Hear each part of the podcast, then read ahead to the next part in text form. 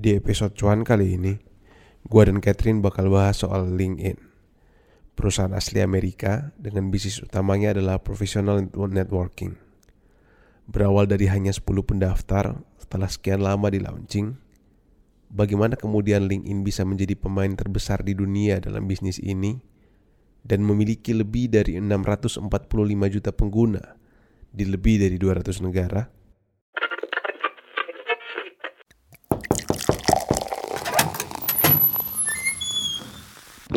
Ya, em, hari ini gua dan Catherine eh, balik lagi dalam episode cuan episode keberapa nih?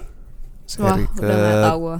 ke-7 Seri ke-7 Terakhir kita bahas soal Toyota di episode ke-6 Nah em, Kita sempat Lama nggak buat Episode cuan ini karena Ada dengan kesibukan masing-masing. Nah akhirnya kita hari ini eh, Bisa buat lanjut lagi ke episode ke-7 Dan mungkin recap sedikit Kat. Em, kemarin apa aja nih yang udah pernah kita bahas nih? 6 episode. Ada Toyota, ada em, Zomato, Netflix. Netflix, Ya, sisanya bisa dilihat di list Spotify Dropbox, kayaknya. Dropbox, apa lagi ya kemarin ya? I- IDEO. IDEO. Nah hari ini kita bakal bahas soal salah satu perusahaan yang menurut gua pribadi sih lumayan familiar. Nggak tahu ya, menurut lu lumayan familiar nggak perusahaan yang bakal kita bahas hari ini? Familiar lah pasti. Pasti kalau misalnya menurut gua sih pasti orang tahu sih perusahaan ini apa. Nah, hari ini gua dan Catherine bakal bahas soal LinkedIn. LinkedIn ini lu pakai LinkedIn nggak? Pakai. Gue juga pakai sih dan gue yakin sih em, kayaknya hampir semua orang terutama di seumuran kita kayaknya pakai nggak sih? Enggak juga sih. Terutama yang udah kerja sih. Apa apa gue terlalu judgmental? gue juga nggak tahu sih datanya kayak gimana, tapi gue yakin nggak Tapi semua. dari dari dari circle lu eh, orang-orang di sekitar lu pakai LinkedIn nggak? kalau orang-orang di kantor sih pakai pasti. Kalau teman kuliah Temen kuliah banyak yang enggak. banyak yang enggak. Mm-mm. Justru banyak yang enggak ya. Cukup banyak yang enggak. signifikan. Kalau dipersen dipresentasikan kira-kira berapa persen yang nggak pakai? bukan nggak pakai yang nggak aktif. Oh jadi mereka punya account tapi nggak Iya, nggak aktif akunnya menggunakan. statusnya misalnya headline-nya masih mahasiswa di apa, itu kan jelas nggak iya, nggak aktif berarti banyak sih itu gue lihat yang mas ya apa eh, ini ya mahasiswa. Nah kalau gue pribadi sih gue juga pakai em, lumayan awal-awal buat sih gue nggak terlalu aktif sih. Hmm. Tapi semakin ke sini semakin ke dunia pekerjaan lumayan aktif tapi yang nggak aktif banget, yang banget banget tahu kan lu maksud Iya, gue iya. yang banget. Lu lu kalau lu tipikal pengguna LinkedIn yang apa? Untuk akhir dalam beberapa bulan terakhir sih sebenarnya gue lebih sering buka LinkedIn dibanding Instagram. Lebih sering buka LinkedIn dibanding Hmm. Instagram. Ini fakta menarik sih. Jadi kayak kalau misalnya gue lagi gabut atau apa, biasanya kan atau lagi di kereta gitu di Heeh, perjalanan, biasanya orang mungkin buka Instagram atau apa. Hmm. Nah akhir-akhir itu pasti yang pertama gue buka adalah LinkedIn. LinkedIn. Mm. Apa yang membuat lu switch ke dari tapi sebelumnya behavior lu eh, menggunakan Instagram lebih sering Instagram. Ya pasti kayak kalau apa-apa paling pertama yang dibuka pas buka HP Instagram, Instagram. Karena lebih lebih enak visual gitu ya. Hmm. Apa yang membuat lu akhirnya switch ke ke LinkedIn? Maksudnya pengalaman pribadi. Sebenarnya transisinya tuh awalnya kan Instagram eh, gua mulai lebih awalnya di Twitter sih gua unfollow semuanya, gue cuman follow berita eh, in, Gua insight termasuk yang di unfollow nggak? Enggak, gue cuman keep follow beberapa orang tertentu doang. Nah, Eh. Instagram gue juga udah mulai memfilter dengan Hmm. mute apa segala macam. Jadi yang gue keep itu yang selalu muncul notification dan lain-lain pasti cuman yang kayak berita atau eh, account-account yang menurut gue biasanya memberikan gue insight. Nah, setelah gue akhir-akhir ini menyadari bahwa sebenarnya kalau di Hmm. LinkedIn itu agak lebih terfilter tanpa gue harus memfilter sendiri. Hmm. Orang-orang itu ngepost di LinkedIn itu enggak se dalam tanda kutip nyampah bukan nyampah sih maksudnya eh, udah terfilter sesuai kebutuhan atau prioritas yang pengen gue eh, dapatkan kalau ketika membuka misalnya sosmed ataupun Mm, mm, eh, mm, mm. apa pun itu kayak Kayak misalnya algo- artikel algoritmanya lebih lebih kayak lebih masuk aja. ya. nggak pure algoritmanya sih, cuman karena pada dasarnya orang itu ngepost ataupun aktivitas di LinkedIn-nya itu seputaran uh, uh, apa ya insights, seputaran uh, perkembangan dunia, perkembangan uh, apa workforce dan beberapa dan hal-hal itu sebenarnya lagi jadi ketertarikan gue aja, jadi kayak Mm. makanya Nah, lebih sebelum kita uh, masuk ke pembicaraan lebih jauh, gue dan Catherine ngobrol uh, bakal ngobrol soal LinkedIn. Sebelumnya mungkin untuk teman-teman yang belum tahu bahwa LinkedIn ini salah satu uh, jaringan profesional terbesar di dunia di mana usernya itu ini bisa dibilang sosial media nggak sih menurut lu? Apa profesional? Ya, uh, media mereka sih yang- namanya profesional network ya. social media definisinya apa sih? Gue juga nggak tahu sih sebenarnya. Social Hmm, media ya media di mana lo general ya. bisa bersosialisasi. Technically speaking, LinkedIn networking ada irisannya dengan bersosialisasi, tapi menurut gue tetap agak sedikit berbeda. Lebih ke prof- dari sisi profesinya gitu Iya, nggak harus profesi tapi kayak lu kalau networking itu Mm-hmm. ada purpose-nya, ada tujuannya. Kalau sosialisasi ya bisa bersosialisasi aja gitu. Mm-mm. Sederhananya sih em, kayak di LinkedIn itu lebih em, platform di mana em, di situ lu kayak eh, wadah di mana menampung talent gak sih? Kalau sekarang kayak talent mungkin em, pekerjaan lu, aktivitas lu seperti apa, lebih ke lebih ke dunia profesional gak sih? Networking sih bener-bener networking banget gitu. Mhm. Nah, di sini sih dia mengklaim bahwa eh, dia memiliki kurang lebih 645 juta user yang tersebar di lebih daripada 200 negara di dunia. Nah, si LinkedIn ini foundernya itu ada lima orang, ada Red Hoffman, Alan Blue, Konstantin Gorike, Eric Lee, and Jean Locke, Jean Luck Vailant. Itu mereka mendirikan itu di tahun 2002. Um, LinkedIn ini perusahaan dari US. Industrinya itu internet dan bisa dibilang internet dan professional networking. Sekarang CEO-nya itu dijabat oleh Jeff Weiner. Berarti uh, mungkin agak berbeda dengan sebelumnya yang kita bahas. Rata-rata foundersnya kan masih mengisi jabatan eksekutif tuh. Sekarang mungkin ada pengaruh juga dengan diakuisisi diakuisisi Setahu Eh, gue Jeff ini kali ya, udah dari Microsoft ya. sebelumnya deh, tapi gue nggak yakin sih. Tapi yang pasti foundernya itu bukan CEO-nya. Mungkin agak sedikit berbeda, mungkin dengan berbagai pertimbangan lah. Nah, visinya mereka itu untuk em, dari website resmi mereka yang kita lihat itu visinya mereka itu create economic opportunity for every member of the global workforce. Missionnya itu mungkin Catherine Hmm, ya misi mereka simple yaitu untuk menghubungkan semua profesional professionals di dunia eh, untuk membuat mereka menjadi lebih produktif dan successful. Ya intinya sih gimana mereka em, karena kan tantangan orang sekarang kerja itu pasti networking kan. Mungkin itu sih misi-misi sederhananya bahasa sederhananya kalau bisa kita rangkum. Tapi Untuk- kalau kita ambil tarik ke visinya kan mereka mau menciptakan sebenarnya kuncinya adalah economic opportunity Mm-mm. untuk semua orang di dalam eh, workforce global workforce ini. Jadi sebenarnya misinya ini turunan dari visi ini di mana ya untuk lu menciptakan Mm-mm, economic opportunity buat every member of the global workforce seperti visinya, ya memang salah satu strategi yang paling bagus adalah harus menciptakan network itu. Karena opportunity tercipta Datang dengan dari network. ya betul. Setidaknya peluang atau kesempatan lu akan semakin besar dan semakin besar ketika jaringan lu semakin luas. Iya. Lebih seperti itu sih.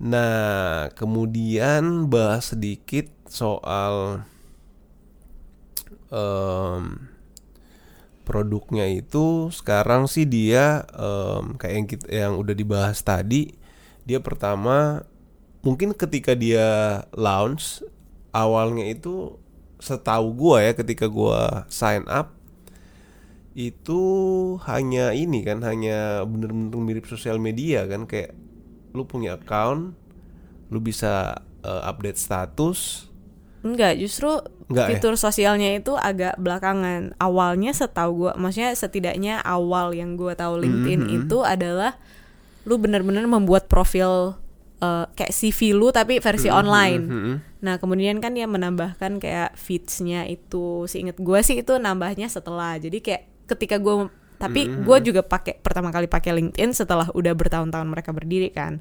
Mm-mm. Jadi gue juga nggak tahu sebenarnya awal mulanya seperti apa. Mm, tapi yang pasti sih em, kalau bisa kita breakdown bisnis solution yang ditawarkan oleh si oleh si atau produknya itu intinya isi itu pertama sih dia menjawab soal em, rekrutmen tenaga kerja ya tenaga kerja kemudian ada em, data juga sekarang dia udah masuk ke data. Kayak data bukan produk deh. Eh, maksudnya dia em, jasa. Jasa maksudnya dia tawarkan juga sampai ke data juga kan kayak yang, yang si LinkedIn Insight. Kemudian em, bagaimana dia memberikan insight-insight untuk perusahaan atau untuk orang pencari kerja dan lain sebagainya. Mungkin itu lebih ke cara, maksudnya itu kayak fitur untuk dia meretain eh, berbagai produk-produk yang dia tawarkan. Produk utamanya kan sebenarnya ada empat untuk bisnis. Kalau untuk dari core produknya sendiri, ya kita semua tahu lah pasti dari sisi konsumer kita buat LinkedIn profile, eh, eh, feeds-nya dan sebagainya macam. Tapi business solutions yang dia tawarkan untuk perusahaan-perusahaan adalah eh, yang pertama LinkedIn Recruiter, di mana dia itu eh, menyediakan semacam platform dan gue yakin banyak dari pendengar udah pasti pernah apply pekerjaan lewat LinkedIn. Nah itu eh, bagian dari platform recruiter mereka. Yang kedua adalah eh, mereka juga ada produk untuk memar- eh, membantu bisnis-bisnis eh, memarket ya through ads yang pasti semuanya udah sering lihat di Google juga ada Google Ads. Nah LinkedIn juga ada LinkedIn Ads. Dan yang ketiga dia juga membuat suatu produk yang akan membantu perusahaan-perusahaan itu menjual dengan eh, menyediakan sales platform yang namanya Sales Navigator di sini. Mungkin eh, beberapa teman-teman yang kerja di perusahaan familiar dengan misalnya HubSpot, kurang lebih sih kayak gitu. Jadi untuk meng-tracking eh, sales leads, eh, eh, operational dari sales dan sebagainya. Dan eh, yang keempat, yang terakhir itu mereka juga mau eh, punya produk LinkedIn Learning, di mana itu platformnya itu banyak banget eh apa eh courses yang lu bisa ambil. Kalau lu misalnya sebagai LinkedIn Premium user lu bisa akses courses-courses ini dan ini juga bisa ditawarkan ke perusahaan untuk mereka em, menggunakan courses-courses ini yang bisa dipersonalize untuk eh, karyawan-karyawan mereka gitu. ini berarti eh, maksudnya produknya mereka? Solu bisnis maksudnya apa ya kayak mereka melakukan bisnis untuk menyelesaikan masalah ini gitu Maksudnya ini produk literal produk mereka LinkedIn Recruiter, kalau LinkedIn data berarti Ads. masuk di mana tuh Kalau data itu kan Saya kan sebenarnya terakhir gue buka-buka eh, websitenya dia, kemudian eh, pakai aplikasinya kan dia kayak ada gue nggak tahu, gue nggak gua nggak nggak buka lebih lanjut. Tapi kayaknya yang gue lihat itu dia kayak menawarkan suatu jasa, jasa ke ke perusahaan contohnya untuk em, apa ya? Untuk diberikan data atau insight soal gimana. Contoh sederhananya bahkan di websitenya bilang bahwa contohnya adalah dia akan memberikan insight soal di mana sih seharusnya lu membuka perusahaan untuk bisnis lu ini atau lu seharusnya untuk bisnis lu seperti ini lu harus hire orang-orang seperti apa kayak gitu-gitu loh. Nah, itu semua kan makanya kembali lagi gue bilang data itu bukan produk tapi itu lebih ke semua ini kan menggunakan data. Di hire itu di LinkedIn Recruiter itu dia memprovide data. Dia mendapat m- melalui talent pool yang dia Ya. obtain dan rekrutmen prosesnya dia mendapatkan data yang dia jadikan untuk insight eh, bagi businesses. Begitu juga dengan mar- eh, LinkedIn ads-nya. Jelas straightforward bagaimana dia menggunakan data. Begitu juga dengan Sales Navigator. Kalau lu lihat eh, di websitenya dia menjelaskannya itu eh, untuk mempower your social selling efforts with real-time sales intelligence. Jadi dia menggunakan menciptakan suatu platform yang dapat memberikan atau merangkum data-data dan insights untuk perusahaan yang menggunakan fitur atau produk mereka ini. Begitu juga dengan LinkedIn Learning yang sebenarnya so basically data in my opinion itu di perusahaan mana pun itu bukan menjadi produk yang dijual. Produk kan kita ber, ketika kita berbicara tentang produk itu sesuatu yang dijual. Iya. Sedangkan data itu menjadi eh, elemen salah satu elemen utama Dari dalam dari produk. setiap produk gitu mungkin. Em, cuma em, kayaknya setahu gua Oh, LinkedIn Dan yang LinkedIn Insights itu setahu gue itu kayak emang ya kayak kayak apa ya McKinsey mengeluarkan eh, McKinsey apa sih istilahnya laporannya mereka Kayak Harvard Business Review Iya, gitu. semacam gitu. Jadi kayak Hmm. insights insights yang mereka dapat mereka berusaha untuk berarti itu lu nggak lu nggak ini ya nggak nggak subscription gitu ya nggak berbayar gitu yang apa? yang si LinkedIn Insight Gue sih bisa download dengan gratis ya. oh gitu lu udah pernah nyoba ya kan gue kirim ke lu. oh iya yang kemarin ya Iya. yang si data oh iya ya mungkin ada ada kayak misalnya artikel atau insight tertentu yang yang nggak di Ada yang buat premium user Yang premium atau mungkin user karena ya. gue sekarang lagi dikasih free premium jadi gue bisa download gratis. Oke, kurang lebih itu sih pengantar awal.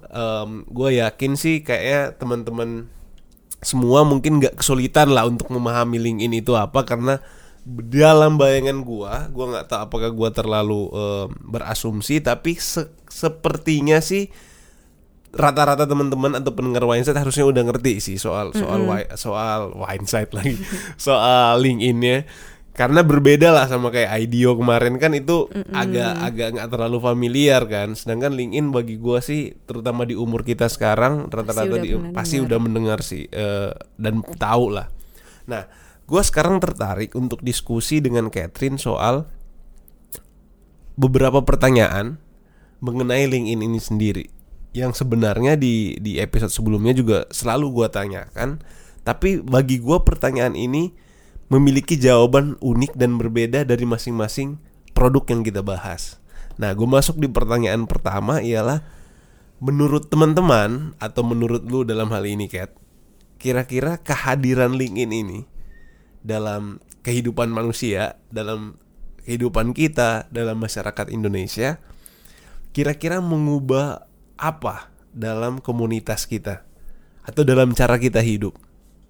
Hmm, mungkin bukan mengubah cara kita hidup tapi ya as always dengan setiap media-media atau platform yang sedikit berbau-bau sosial Ya. pastinya mengekspos suatu sisi dari manusia dan eh, lucunya gua setelah gua perhatiin kalau mungkin dulu kita lihat ya sampai sekarang sih kalau kita buka Instagram orang itu kemungkinan besar bio-nya itu adalah mencantumkan sebenarnya profesi mereka Mm-mm. atau bisnis mereka dan itu selalu melekat dengan identitas Ya. seakan-akan melekat dengan identitas kita jadi kita ditentukan oleh biasanya juga kita Pekerjaan ketemu apa ya eh, lo gitu. kerja sebagai apa itu yang menjadi identitas lo nah dengan adanya LinkedIn ini kayak ada satu platform yang emang khusus untuk lu Menunjukkan mengeksploitasi identitas, itu eh, jadi eh. kayak untuk lu yang menunjukkan background pendidikan lu dari mana, eh, pekerjaan lu sekarang, profesi lu saat ini sebagai apa, dan itu hal-hal yang selalu melekat dengan identitas kita.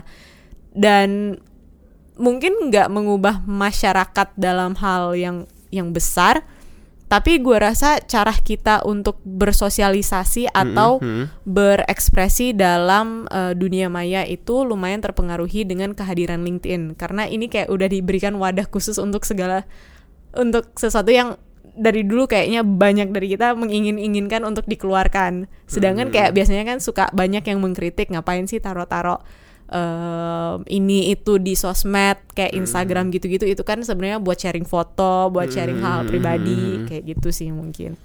Nah kalau gua sih gue sepakat sih bahkan gue termasuk orang mungkin yang yang mungkin di beberapa sosial media gue juga menaruh identitas misalnya gue profesionalnya seperti apa sih maksudnya kerjaan gue atau gue lebih sibuk, lagi sibuk apa sih. Nah gue sepakat juga sih sama sama apa yang lu bilang bahwa ini kayak platform yang memfasilitasi untuk lu kayak bisa mengeluarkan semua apa yang yang yang kayak lu bilang tadi identitas-identitas tadi. Cuma di sisi lain juga bagi gua yang yang nggak kalah penting yang mengubah masyarakat adalah em pertama yang udah pasti banget adalah model lu em, melamar kerja sih.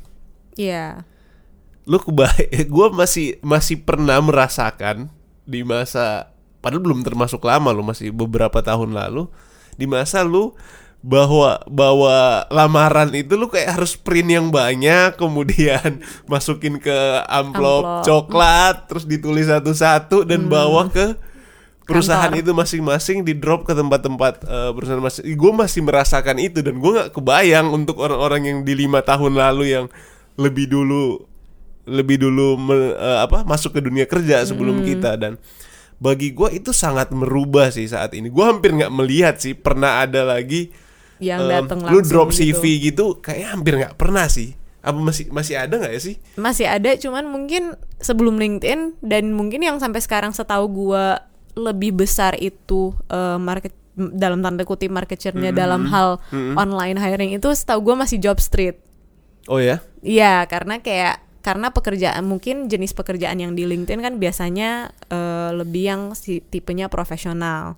Sedangkan di Indonesia kan eh, cukup signifikan job shares ah apa eh, job types yang ada di market itu demand-nya adalah untuk pekerjaan-pekerjaan misalnya yang lebih apa eh, low skill dalam tanda kutip. Tapi bedanya kayaknya kalau LinkedIn itu lebih kayak langsung ke orang yang betul-betul bertanggung jawab di itunya nggak sih? Kayak lu mungkin bisa DM atau bisa email. Iya. Jadi kayak lebih memotong banyak birokrasi gitu loh. Karena gua eh, contohnya ya di Job Street misalkan, gue juga pernah menggunakan Job Street. Lu kan nggak tahu siapa yang menerima lamaran lu. Ya, Setahu gua, setahu gua ya, setahu gua itu gue kan nggak pernah pakai job street Eh, sih. tahu gua nggak tahu ya mungkin kalau ada yang udah lebih eh, apa ahli di dalam penggunaan itu setahu gua lu nggak tahu itu di siapa yang baca siapa yang terima. Mungkin kayaknya sekarang udah tahu sih notifikasi kalau udah dibaca atau enggak cuma bagi gua kalau misalnya LinkedIn kayaknya kalau misalnya ben- beneran dia em, recruiter contoh kan- sekarang kan banyak banget kan orang HR yang yang ada di LinkedIn. Dan kayaknya kalau bisa lu apply ke dia kayak lebih lebih langsung kan dan nggak nggak ada nggak ada inilah nggak ada jami em, dan lebih ada kejelasan lah bahwa bener-bener oh dia yang menerima orang-orang yang yang berkepentingan dan berkepentingan. mengurus itu nah itu sih menurut gua salah satu yang lumayan mengubah komunitas termasuk juga em, yang paling simpel adalah CV misalkan Mm-mm. CV lu kan kayak eh, sekarang kayak setahu gue otomatis ya misalnya lu dari LinkedIn bisa gak sih kayak langsung kirim link gitu jadi CV Bisa, tapi lu bisa upload CV lu sendiri bisa juga. upload juga ya dan hal-hal intinya sih mempermudah proses sih kalau Iya. menurut gue yang paling yang paling mengubah masyarakat sebenarnya untuk satu produk yang LinkedIn Recruiter itu kan. Mm, mm, mm, dan Yang itu sangat produknya. sangat sangat mempercepat produk dan yang paling beru dan yang paling berubah adalah eh, mungkin dari sisi perusahaan itu kan kalau ta- da- dari kita tadi kan sisi orang pelamar kerja. Mungkin dari sisi perusahaan juga mungkin lebih cepat kali ya. Dan dia bisa bisa scout eh, apa talent itu mungkin lebih lebih gampang kali ya. Apalagi sekarang lu kalau apply pekerjaan walaupun gak lewat LinkedIn, kemungkinan besar pasti ada bagian yang meminta LinkedIn link profile lu itu apa tuh? untuk disubmit. Jadi kayak biasanya kalau lu apply pekerjaan, mereka minta juga lu eh, lampirkan di mana pun itu, misalnya dari eh, platform mereka sendiri atau apa pun itu, eh, lu harus lampirkan link dari eh, profil LinkedIn lu. Hmm, oh sekarang itu menjadi referensi ya, ya? Ya, untuk mereka buka. Karena kan di situ ada penghargaan lu, ada em, background pendidikan yang lengkap. Karena kan eh, idealnya CV itu harusnya eh personalized untuk setiap perusahaan. Jadi lu apply pekerjaan apa yang masukin di CV yang relevan dengan pekerjaan itu Nggak aja. yang umum gitu Nggak yang semuanya. itu, itu sering banget tidak kayak gue pernah masih- melakukan itu deh gue juga melakukan. Kayak semua orang masih kayak lu, gitu. lu buat CV kemudian langsung dibelas email Hmm, gitu ya Iya, tapi idealnya kan enggak kan. Jadi LinkedIn ini untuk kayak selengkapnya gitu. tapi ini ini ini ini apa tiba-tiba aja sih gue kepikiran tapi kalau misalnya LinkedIn eh, bisa jadi nggak sih banyak fake account fake account- bukan bukan fake account sih kayak pengalaman yang dipalsuin gitu loh itu bisa. bisa nggak sih diverifikasi karena bisa bisa aja dong gue tulis gua ini gua ini gua itu Ya Kan bisa-bisa aja, cuman kan pasti sebagai recruiter mereka juga bisa menilai ketika kalaupun mereka lolos tahap CV kan masih ada penilaian lebih lanjut. Mm-mm, tapi bisa dong ya. Misalnya lu mau branding, kan Iya. gampang banget orang misalnya mau branding. Oh, gue mau branding seolah profesional, eksekutif misalkan gitu-gitu. Bisa-bisa aja, tapi Bisa kan karena setahu gua ya kalau misalnya lu mention misalnya eh, lu kerja di sini itu bakal muncul notif nggak sih di company itu bahwa ada orang yang mau mention perusahaan dia dia bahwa dia pernah kerja Gue di nggak situ tahu kalau notif dalam real time, tapi lu bisa lihat siapa aja yang terdaftar. Bahkan kita eh, bisa melihat dalam perusahaan itu Mm-mm. employees-nya di LinkedIn siapa aja. oh gitu Iya. jadi si adminnya gue dalam bayangan gua si adminnya perusahaan itu juga bisa melihat gitu Jangankan adminnya, kita aja bisa melihat. Berarti mereka kan juga pasti bisa melihat. Cuman soal apakah mereka menerima notifikasi setiap kali itu, eh, gua kurang tahu. Oke. Ya, pertanyaan selanjutnya nih, Kat. Dan buat eh, pendengar Wineset di mana pun yang berada dan juga nonton video ini, kalian pernah membayangkan nggak seandainya LinkedIn ini nggak ada? Kira-kira em, ya simpel aja sih. Gue juga bisa mikir ya bisa jadi muncul LinkedIn LinkedIn yang lain kan. Atau enggak Instagram dimanfaatkan untuk hal-hal itu. eh apa? Tapi maksud gua di sini adalah berarti kayaknya ya mungkin opportunity kayak yang visi mereka tadi mungkin banyak juga yang yang jadi tertutup. Karena kayak eh, lu pasti lu punya pengalaman pribadi gak sih? Kayak opportunity lu dapat dari jejaring di LinkedIn atau dan gue mendengar banyak cerita juga bahwa orang mendapat banyak opportunity dari eh, jejaringnya di LinkedIn. Berarti kan maksud gue di sini em, kalau misalnya seandainya gue membayangkan mungkin em, kesempatan-kesempatan lo itu mungkin akan datang tapi butuh waktu yang lama gak sih? Kayak ini dalam dalam sederhananya dalam bayangan gue adalah LinkedIn ini mempercepat eh, kayak ada akselerasi lah. Ada akselerasi sehingga em, semua yang mungkin terjadi 10 tahun ke depan bisa jadi dalam lebih jauh lebih cepat. Mungkin kalau orang tua kita atau orang-orang lebih tua dari kita kayak dia membangun network itu bener-bener dari awal kan dari awal. Akhirnya dikenalin orang referensi dan lain sebagainya. Sekarang lu bisa aja lo lo random em, selama portofolio lu bagus em, dia melihat eh, karya-karya lu bisa aja lu kontak orang dengan dan lu bisa di link bisnis misalkan di situ bagi gua sih gua nggak bisa em, dalam bayangan gua sih itu sih. Pasti kayak akan semakin lambat. Dalam ini lu gimana Kat? Hmm, ya kayak yang lu bilang di awal sih paling pasti kita akan mencari, maksudnya kalaupun LinkedIn yang nggak ada banyak link ini link ini yang lain. Bukan LinkedIn LinkedIn yang lain tapi platformnya kan intinya eh, bagaimana kita memanfaatkan jaringan online itu untuk eh, mempercepat hal-hal ini. Jadi kayak Hmm. misalnya entah hal itu akan kita lakukan di Instagram atau apa tapi dengan adanya LinkedIn kan jadi lebih natural aja gitu. Kita bisa melakukan di situ Iya. dan tepat sasaran lebih tepat sasaran. Bener-bener dan kayaknya juga eh, paling berasa sih itu sih bagaimana dia membantu dan mempercepat kayak bilang tepat sasaran juga dan sebagainya. Nah selanjutnya nih kira-kira pengaruh nggak sih dia atau bagaimana sih pengaruh LinkedIn terhadap profesi atau eh, bisnis sama cara lu bermedia sosial Mungkin yang paling pertama eh karena gue udah mention sedikit soal media sos bermedia sosial. Mm-mm. Bagi gue ada poten. Jadi kalau gue lihat nih ya, em, banyak orang yang gue tahu di misalnya di sosmed pada umumnya seperti Facebook, Instagram ataupun Twitter itu tidak aktif atau ya agak sedikit pasif. Em, tetapi sangat-sangat aktif di LinkedIn. Itu banyak banget yang gue temukan.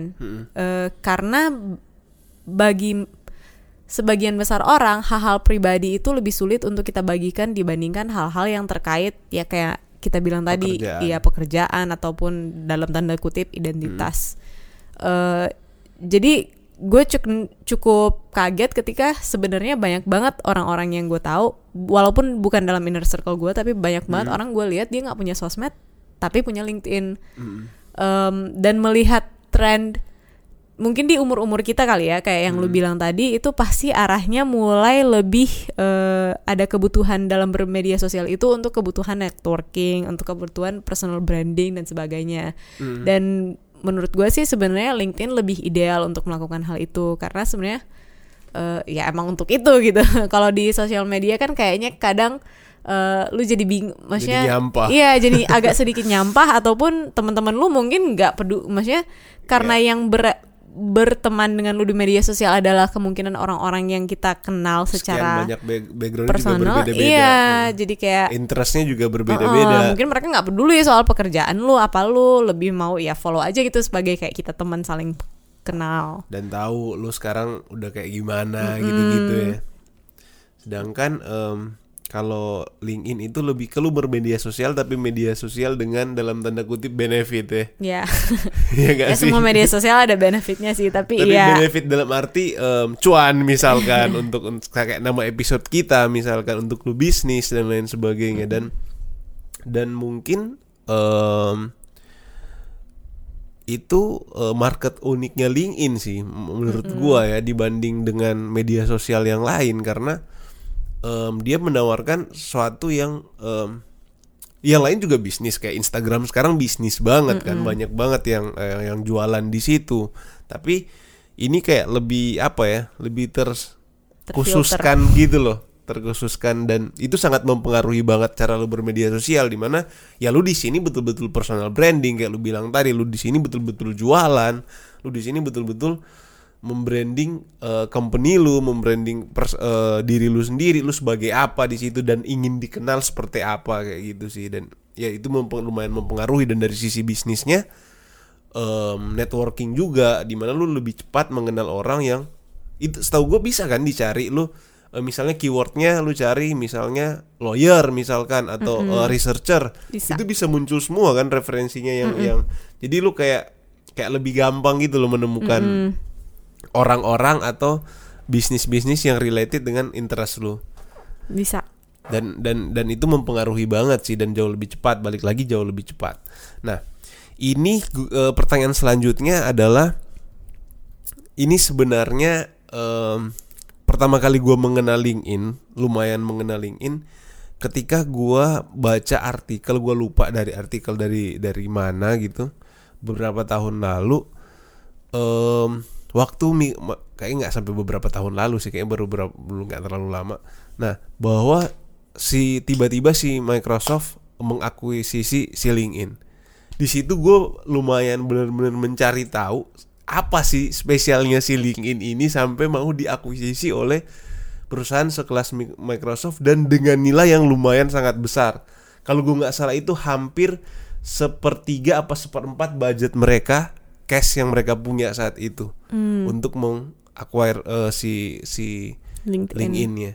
Menurut lo pribadi nih, kalau lu cari di internet, kalau teman-teman cari di internet, eh, banyak banget ahli ekonomi, majalah bisnis dan lain sebagainya yang menjelaskan secara detail kenapa sih secara hitung-hitungan bisnis sih LinkedIn itu dibeli atau diakuisisi sama Microsoft. Tapi kalau lu pribadi nih kayak dengan mungkin kalimat yang lebih sederhana dan logika yang lebih sederhana, seandainya lu di posisi Microsoft at- atau teman-teman ada di posisi Microsoft, kenapa lu harus membeli LinkedIn saat itu? karena sebenarnya Microsoft itu juga punya common apa ya common ground dalam tanda Mhm, kutip mhm. karena dia banyak bermain untuk B2B kan dia menyediakan berbagai Mhm. macam software dan sebagainya solutions untuk businesses LinkedIn Mhm. bisa masuk di situ Mhm. tapi menurut gue yang lebih valuable em, sama seperti kenapa mu eh, enggak sih nggak bisa disamain skip aja Eh, yang lebih valuable adalah bahwa di LinkedIn itu lu punya begitu banyak data dan terorganisir dengan sangat baik gitu ter, ter apa ya terfilter tentang berbagai macam orang yang dalam tanda kutip mungkin adalah orang-orang yang paling berharga untuk Mhm. bisnis. Dalam tanda kutip ya maksudnya eh kayak di link gue sempet nonton hmm, bukan nonton eh, dengerin salah satu seminar bukan seminar sih ya kayak si CEO-nya ini si Jeff ini eh, dia pernah post di LinkedIn salah satu talks dia di sebuah konferensi. Eh, dan dia menjelaskan tentang sebenarnya LinkedIn itu saat ini mau fokus eh, untuk menjadi platform di mana semua sebanyak-banyaknya members bisa Mhm. terdaftar, tetapi juga di luar itu eh, semua companies di dunia bisa terdaftar di situ, semua jobs yang dibutuhkan akan Hmm. terdaftar di situ, semua skills yang eh, sedang in demand dan juga supply-nya banyak bisa terlihat dari situ dan juga sekolah-sekolah Mm-mm. semua terdaftar di situ dan eh, knowledge. Dan menurut gue ini dalam tanda kutip lu mendapatkan suatu gambaran yang cukup eh, hampir menyeluruh tentang identitas-identitas orang-orang yang ada di dalam situ.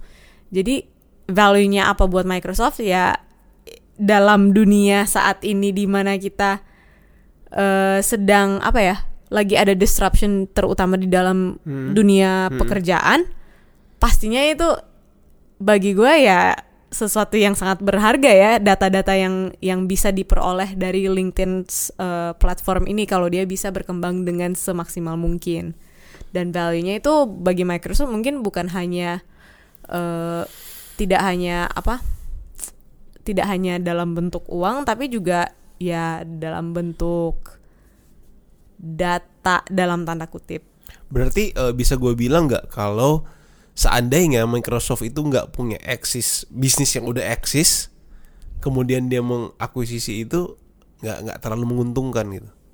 Enggak juga karena bagi gue sebuah perusahaan bisa mengakuisisi perusahaan apa pun yang bagi mereka berpotensial kan. If you have um, enough resources untuk mengakuisisi gitu. Kalau gue di posisi Tapi menurut lu ini terduplikasi atau maksudnya keuntungan si Microsoft itu berkali-kali lipat karena dia udah punya bisnis yang related sama itu. bisa jadi, tapi menurut gue dia lebih melihat peluang ke depannya. How LinkedIn ini bisa me- di tengah-tengah changing workforce, di tengah-tengah disruption oleh teknologi, LinkedIn ini kayak menjadi apa ya? Kayak donut hole-nya gitu. Ya ya ya.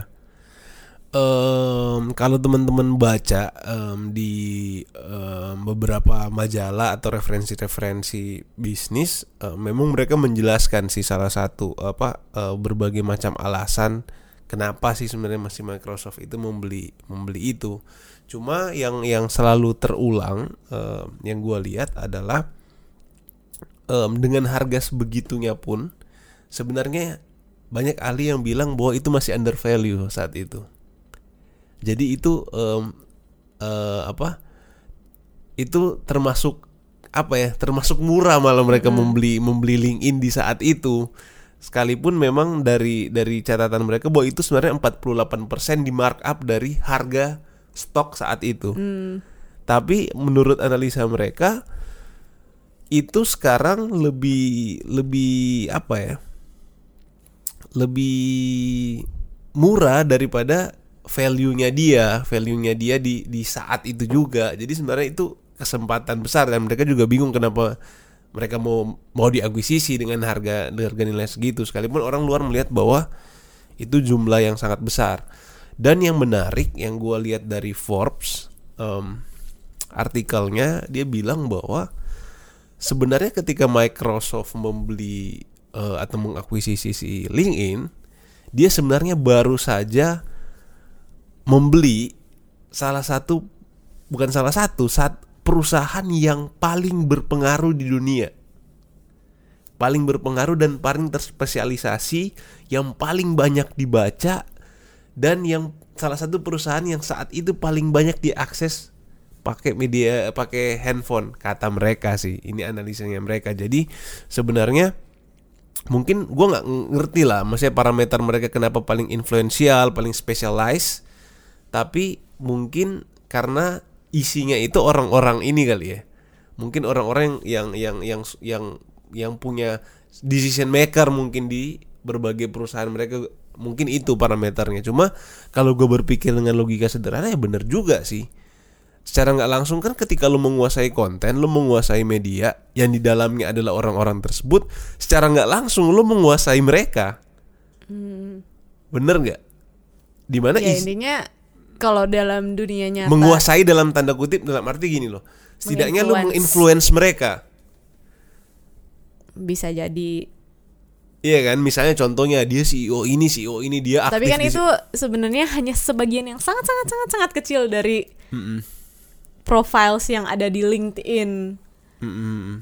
jadi mungkin lebih besarnya terkait workforce sih gua rasa skills yang maksudnya lu bisa menganalisa berbagai ya karena visinya juga untuk provide economic opportunity juga kan untuk global workforce.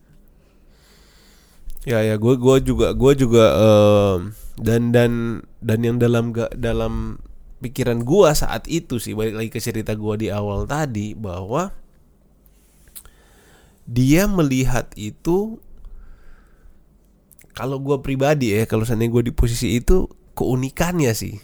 Maksudnya dia em, kayak pool atau te- eh, tempat profesional-profesional itu ada di dalam situ menurut gua. Di mana yang kayak lu bilang tadi target marketnya si Microsoft itu bukan eh, jualan produknya dia itu lebih ke enterprise kan lebih ke perusahaan. Mungkin agak lebih mudah kali masuknya ketika dia bisa bisa mungkin mengakses data mereka dari situ. Berapa banyak sih perusahaan yang terdata terus jumlah perusahaan itu kira-kira jumlah kebutuh jumlah orangnya manpowernya berapa besar sih kebutuhannya kayak gitu-gitu sih menurut gua ya. Sehingga mungkin itu juga mempengaruhi misalnya ya telemarketing mereka mungkin bisa mengkontak dan sebagainya. Gua nggak tahu sih apakah eh, nah ini sebenarnya berlanjut ke pertanyaan gua selanjutnya. Em, ini kan opportunity sebenarnya. Yang mereka lihat itu adalah eh, kesempatan. Kemudian visi mereka ke depan oh ini bisa mempengaruhi bisnis mereka yang udah eksis dan lain sebagainya nah balik lagi ke pertanyaan gua adalah soal privasi soal privasi dalam artian begini em, apa yang kita pikirkan tadi kan dengan asumsi bahwa segampang itu Microsoft mengakses sekalipun punya mereka juga mengakses data si eh, LinkedIn-nya. Nah, gua nggak tahu apakah ada aturan khusus terkait itu. Bisa nggak sih, lu sekalipun ini punya lu nih, tapi lu mengakses datanya dia yang sebenarnya dia kasih untuk perusahaan LinkedIn, lu gunakan untuk perusahaan lu yang lain, contohnya Microsoft misalkan Maksudnya data apa nih?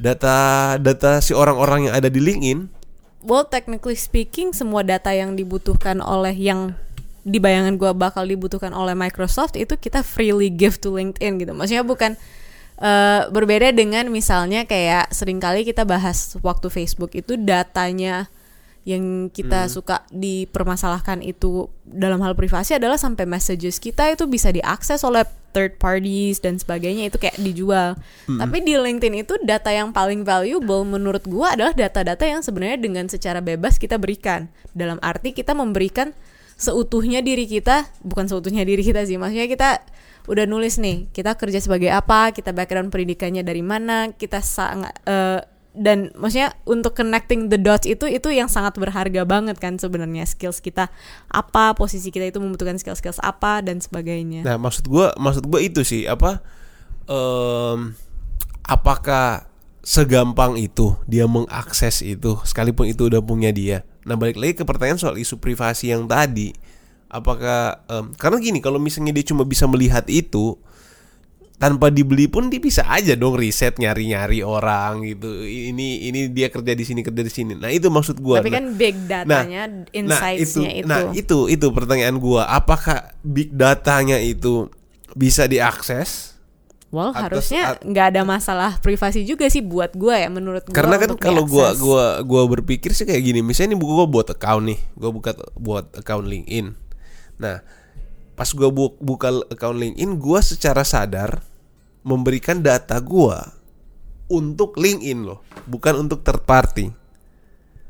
Tapi kan lu berikan data itu di tempat umum in a public profile. Mm-mm. So it's a public data juga sebenarnya kan. Berbeda dengan misalnya messages gue di Facebook. Itu private dong. Yang gue tahu adalah gue hanya yang tahu messages itu hanya antara gue dan orang yang eh, sedang chatting dengan gue itu. Mm-mm. D- Sedangkan ini ketika gue mengsubmit data-data gue itu memang gue mengsubmitnya dalam sebuah platform yang publik. Mm-mm. Iya ya. Nah em, itu kayaknya harus harus kita em, ini lagi sih. Cuma balik lagi gue kenapa gua mempertanyakan ini karena bagi gua em, salah satu peluang bisnis yang paling besarnya adalah data sih, Insights sih. insights. Nah hubungannya dengan privasi itu kan sangat sangat erat tuh data privasi data privasi gitu. Nah em, seperti apa jaminannya dan menurut gua itu um, gua nggak tahu lah um, bagaimana mereka memanage itu atau disiasati dalam aturan ketika kita sign up dan lain sebagainya cuman itu kayak perlu isu yang uh, diperhatikan sih karena balik lagi em, kadang kan namanya orang bisnis kan bisa aja menghalalkan segala cara dan lain sebagainya. Cuma ya selama itu belum mem- membuat kerugian buat kita tapi kan bukan belum tentu bukan kerugian saat ini tapi potensi ke depan menjadi kerugian sih. Maksudnya maksudnya itu sih poin gua. Sekalipun memang logika bisnisnya yang tadi kita bahas di sebelumnya di pertanyaan pertama kedua dan seterusnya sepertinya sih yang dalam pikiran gua itu data itu harusnya dimanfaatkan dari dari si orang yang mengakuisisi itu. Cuman gue nggak tahu lagi kenyataannya apakah seperti itu atau enggak. Tapi kayaknya nggak masuk di akal sih dia mengakuisisi dengan nilai sebegitu, datanya nggak diakses. Itu yang dalam dalam pikiran gue sih. Nggak tahu kalau misalnya teman-teman yang mendengarkan berpikiran lain Tapi cuma bisnisnya juga dikasih data-data itu sebenarnya, data yang Apa? dibutuhkan.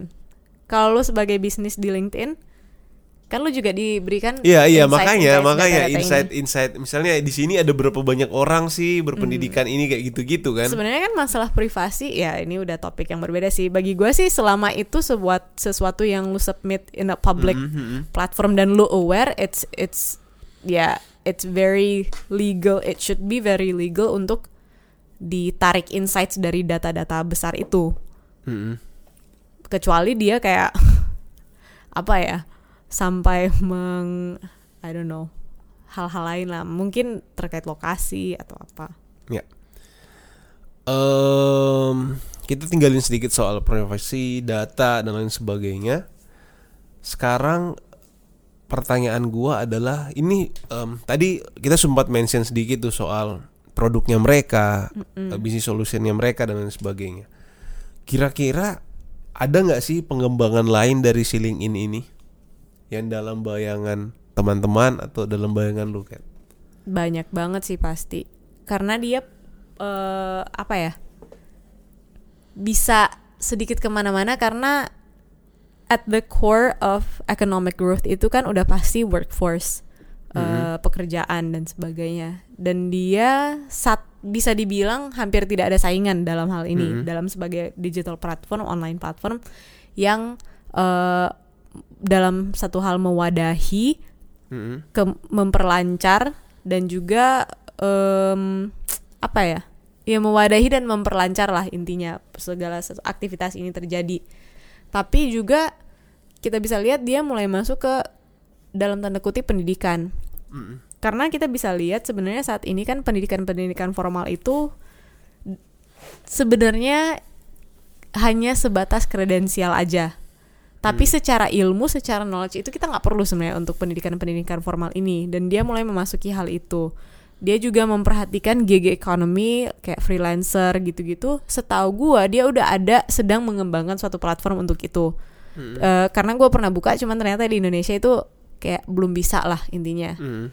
Jadi pengembangannya sangat besar karena core visionnya itu adalah for economic opportunities itu kan yang dia bilang tadi. Berarti kalau yang bisa gua tangkap adalah menurut lu secara spesifik pengembangannya itu di dunia pendidikan. Dunia pendidikan, dunia pekerjaan masih banyak banget lah ruang yang bisa dia garap Tapi yang sebenarnya. saat ini yang udah kebaca dari trennya itu pendidikan menurut lu. Mm-mm. Karena kalau kita lihat dari produk yang dia eh, bikin ini kayak LinkedIn Recruiter, LinkedIn Ads, Sales Navigator, itu kan semuanya sebenarnya perusahaan-perusahaan itu eh, udah ada produk-produk itu yang disediakan oleh perusahaan lain. Tapi keunggulannya LinkedIn adalah dia punya kayak database usersnya gitu dan eh, semuanya bisa terkonek. Jadi eh, dia bisa aja menggarap misalnya eh, berbagai business solutions lainnya dan memberikan eh, apa tambahan value dalam hal dia punya database orang-orang ini. Jadi kayak untuk mengconnect antara business tool itu dengan orang-orangnya lebih mudah kayak Instagram atau Facebook dalam hal meng apa meng mengtarget ads dulu awal-awalnya kan itu lebih mudah karena dia punya platform orangnya gitu. Iya sih. em, pengembangannya em, nggak tahu ya mungkin karena setahu gua si si Microsoft ini punya media sosial nggak sih? Sebelumnya perusahaan yang bergerak di sosial media gitu-gitu. Gue kurang tahu sih. Gak ini ini sempat dimention juga sih ke pertanyaan yang gue yang gue bilang uh, di awal tadi kenapa dia mau akuisisi katanya salah satunya karena itu dia belum punya uh, hmm. industri di bidang itu untuk menyaingi para uh, kompetitornya yang lain. Bagi gue sih pengembangannya itu lumayan sangat terbantu dengan um, keberadaan Microsoftnya sih bagi gua sih sangat-sangat terbantu di situ. Karena pertama kapital pastilah. Misalnya dari mm -hmm. sisi uang itu pasti. Tapi menurut gua yang sangat membantu adalah bagi gue Microsoft itu salah satu perusahaan yang lumayan sangat udah settle banget di B2B sih. Karena ya B2C kan oh, maksudnya dalam bayangan orang kan yang yang kita lihat sekarang kan itu dia lebih ke B2C cuma kayak eh kalau gue lihat sih Microsoft itu kuatnya di B2B-nya sih Iya gak sih menurut lo? Ketika dia lebih gua, lebih banyak lebih banyak produknya ke enterprise-nya, jarak maksud gua nggak terlalu banyak ke jualan sesuatu yang direct ke konsumen personal gitu. Kebanyak bukan kebanyakan salah. Banyak dari produk mereka emang untuk dua-dua kan sebenarnya. Cuman mungkin enter, jalur enterprise itu jadi bisa lebih masif gitu. Jadi kayak misalnya Microsoft Office lu jual hmm. untuk ke konsumer langsung kan bisa satu-satu. Tapi kan ketika lu garap enterprise-nya lu bisa dapat berapa banyak nah, dalam dan kutip. dan dan apa mungkin banyak. Gue dulu gue sih belum kebayang uh, bentuk kolaborasinya dengan si LinkedIn-nya ini seperti apa. Cuma kayaknya mungkin banyak opportunity bisnis uh, lahir justru dari dari dari yang yang gue bilang tadi karena mereka udah punya network yang udah oke okay, udah set dia ya sekarang perusahaan mana sih yang nggak pakai Microsoft? Menurut hmm. menurut gua sih hampir semua sih pakai Microsoft. Pakai Google sekarang pak. Oh udah, udah Google. Kayaknya berarti episode berikutnya Google ya. Tapi setahu gua sih setahu gua ya misalnya dari sampai email perusahaan dan lain sebagainya setahu gua platformnya uh, lumayan banyak um, Microsoft sih Nah, well, kalau dilihat dari produk-produknya Microsoft itu kan dia juga memprovide business solutions mm -hmm. dan juga personal solutions untuk melakukan pekerjaan dengan lebih baik lagi. Dan LinkedIn ini kan bisa memprovide mereka insights uh, dengan adanya prof apa mm -hmm. platform LinkedIn ini lo bisa tahu yang kayak gue bilang tadi kayak what skills are in demand, what skills yang lagi kelebihan supply-nya. Um, sekolah-sekolah apa dari sisi pendidikan formal sebenarnya apa yang masih kurang gitu? Kalau dia udah bisa mendapatkan informasi tentang masing-masing mm. uh, institusi pendidikan dengan komprehensif ya.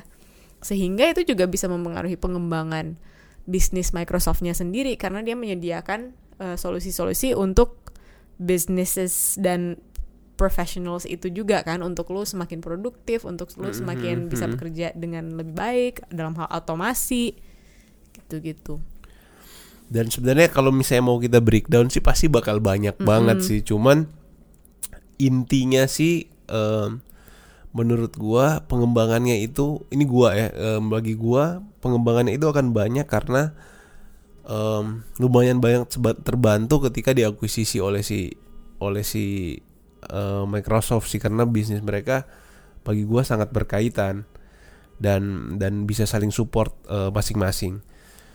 Nah, kalau tadi soal opportunity nih, soal peluang ke depan, kira-kira apa nih tantangan LinkedIn menurut lo, menurut teman-teman, menurut kita semua, apa kira-kira? Apa ya? lu dulu deh. Kalau gua sih um, banyak um, apa ya? Perusahaan atau startup startup lain yang merekrut kalau misalnya ini untuk untuk rekruter misalkan ya itu udah jualannya jasa itu sebenarnya. Cuma balik lagi sih tapi gue tiba-tiba berpikir hmm, mereka kan juga sebenarnya nyarinya lewat LinkedIn juga ya iya gak sih? Si rekruter rekruter ini masih untuk untuk mereka kan mereka jualan juga kan. Mm -hmm. jasa yang mereka tawarkan adalah mereka bantuin cari orang yang tepat buat mm -hmm. lo dikurasi dan curated duluan dan lain sebagainya. Cuma pas gue pikir ya mereka bukan kompetitor sih. Mereka kan juga Iya, via LinkedIn juga kan di situ. Dan bahkan recruiter yang misalnya menggunakan um, hiring platform yang Mm-mm, lain misalnya kayak Suite atau um, apa Nuevo atau apalah itu yang Mm-mm. kayak Jobstreet lu sebenarnya Mm-mm. bisa masukin tetap post job listingnya di LinkedIn tapi itu sebenarnya meng menglink para uh, talent Mm-mm. atau kita yang mencari pencari pekerjaan itu untuk ya harus mengisi form di platform mereka masing-masing. Jadi nggak harus lu memakai platform yang udah disediakan oleh LinkedIn juga yang kayak easy apply-nya gitu-gitu. Mm-mm. Nah bagi gua sih tantangannya si LinkedIn itu em, apa ya? Mungkin ketika kayak contohnya gini, Instagram tujuan awalnya kan kayak lu bilang tadi share eh, kehidupan pribadi dan lain sebagainya. Share fotografi sih awalnya. fotografi benar fotografi yang yang estetik eh, dan lain sebagainya. Nah, ketika LinkedIn juga dibegitukan dalam tanda kutip dibegitukan dalam artian begini loh. Ini awalnya tempat lu share eh, kehidupan profesional lu. Tapi sekarang lu mulai share foto yang foto ya persis kayak Instagram lah misalkan. Masih jarang sih gue lihat orang Tapi mengarah ke situ loh, jangan salah loh. Kalau gua lihat ya, kalau gua lihat ada-ada aja orang foto post random gitu, kayak gue lagi makan nih gitu-gitu. gue nggak pernah lihat orang lagi Ada, ada, ada, ada, ada, gue pernah lihat sih. Gue bahkan pernah lihat orang lagi post em, kayaknya acara keluarga atau apa terus captionnya kayak cuman sekedar ya kayak lu taruh caption di LinkedIn eh, di Instagram dan semuanya mengkomen tolong ini bukan Facebook. Jadi kayak sering dan itu sering banget gue lihat orang kayak Nah, iya. komen ini bukan Facebook, Tapi ini bukan bagi Instagram. gua apa ya? Berarti kan itu udah mulai masuk ke arah situ kan. Mulai sekalipun memang pada akhirnya community yang akan menjudge mereka, Iya. maksudnya akhirnya akan terfilter dengan sendirinya. Tapi itu pun yang terjadi dengan Instagram. Instagram yang awalnya pribadi sekarang jadi tempat jualan. Facebook yang awalnya sosial sekarang buset isinya orang jualan semua, mas ad ad semua isinya dan sangat dan sangat bagi gua sangat mengganggu sih. Dan gua nggak tahu ya secara hitung-hitungan bisnis apakah lebih menguntungkan. Tapi kalau gua dari sisi konsumen atau pengguna atau sisi user, gua sih melihat itu sebagai em, tantangan dia ke depan sih. Bagaimana dia men, eh, experience experience konsumen itu tetap dijaga.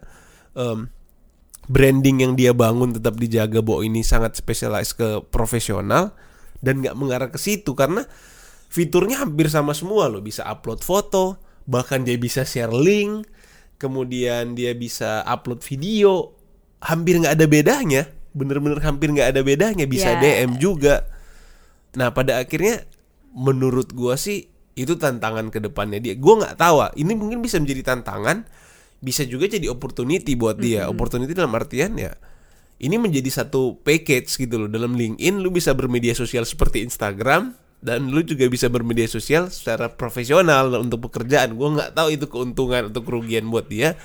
Tapi kalau gua lihat sekarang dari konsumen sih itu tantangan sih. Mungkin Menurut gua. kalau dari gua salah satu tantangan yang bukan tantangan yang besar mungkin tapi yang uh, eventually mereka harus uh, face itu saat ini LinkedIn mungkin belum terlalu apa ya istilahnya localized. Hmm. Eh, jadi kadang itu bukan kadang Eh, banyak fitur-fitur dari LinkedIn itu mungkin mengikuti atau menyesuaikan dengan behavior market di US dan di Eropa. Mm-mm. Sedangkan mungkin itu kurang relevan di sini. Jadi kayak pengembangan fitur-fiturnya itu agak sulit karena eh, behavior masyarakat di sini kan beda banget. Nah, bagaimana dia bisa mengambil kayak titik tengahnya itulah yang bisa masuk ke semua kayak Instagram kan behaviorsnya very basic gitu semua orang bisa lakukan. Nah, sedangkan di LinkedIn ini kan sangat terkurasi ya. Mm-mm. Kayak yang kita ngomongin dari tadi, it's a professional network. Jadi eh, kecenderungan-kecenderungan masyarakat di berbeda lokasi itu sangat berbeda-beda. Mhm. Jadi apa yang mereka willing to adapt, apalagi kayak misalnya LinkedIn premiumnya.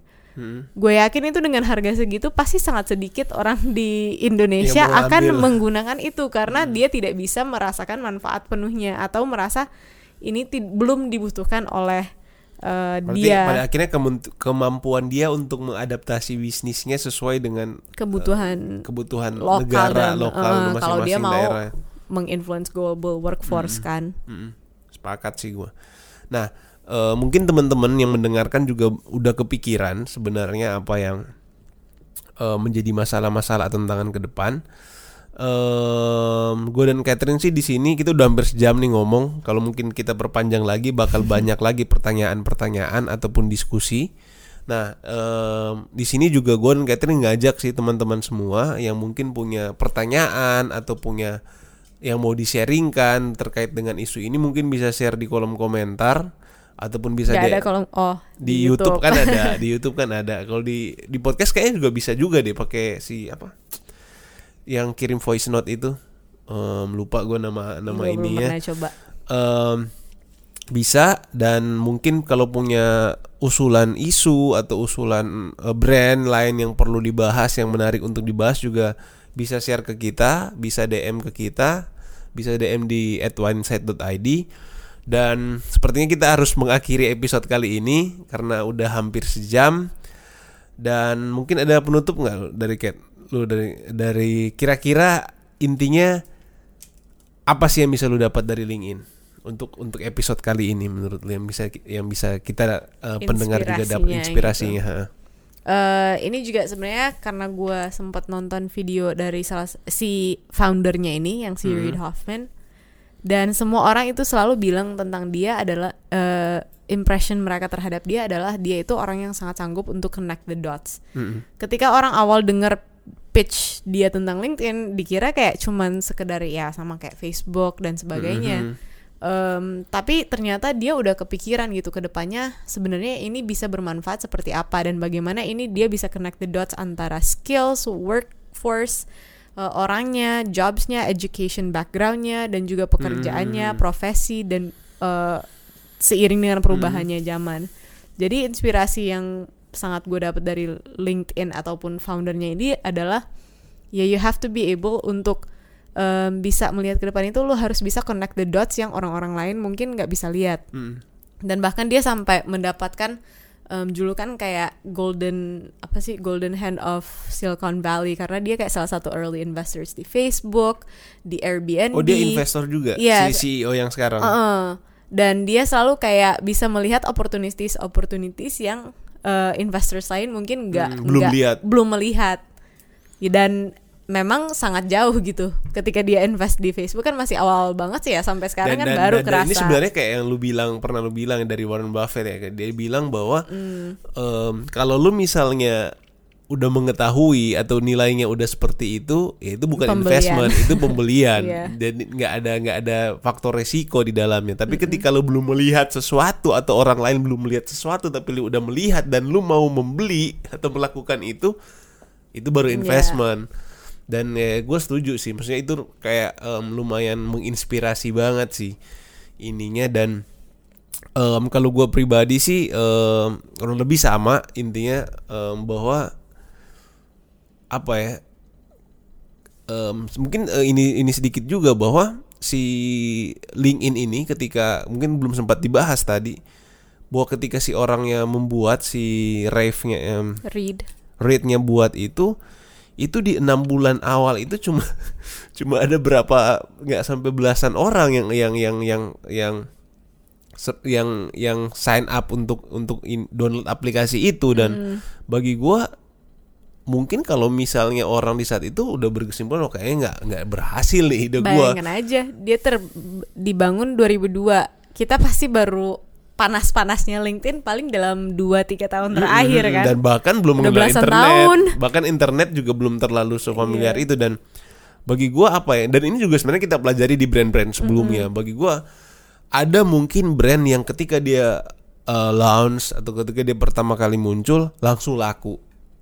Yang ujungnya juga sama berhasil. Tapi ada juga brand-brand tertentu yang atau bisnis tertentu di mana nggak semulus itu di mana di awal itu mereka akan sangat berjuang keras lah untuk untuk mempertahankan idenya itu. Dan bagi gue itu bukan bukan tan- bukan ini yang perjuangan yang mudah sih. Misalnya lu udah buat susah-susah dan lain sebagainya dan seperti nggak diapresiasi dalam tanda kutip yang sekarang itu berbanding terbalik katanya hampir tiap detik ada dua profesional baru yang uh, mendaftarkan diri di uh, LinkedIn. dan dan sangat sangat berbeda jauh dan ini semua soal waktu aja, soal konsep dan soal balik lagi yang lu bilang investasi. Hmm. Lu percaya nggak sesuatu yang belum lu lihat? Lu percaya nggak sesuatu yang belum terjadi itu? Nah, um, gue gak akan bakal perpanjang lagi dan sampai ketemu di episode selanjutnya.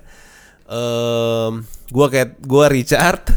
Gua Catherine. Dan jangan lupa follow um, Instagram uh, kita di advanced.id dan jangan lupa juga subscribe, uh, share, like uh, video kita di YouTube dan ya sampai ketemu di episode selanjutnya.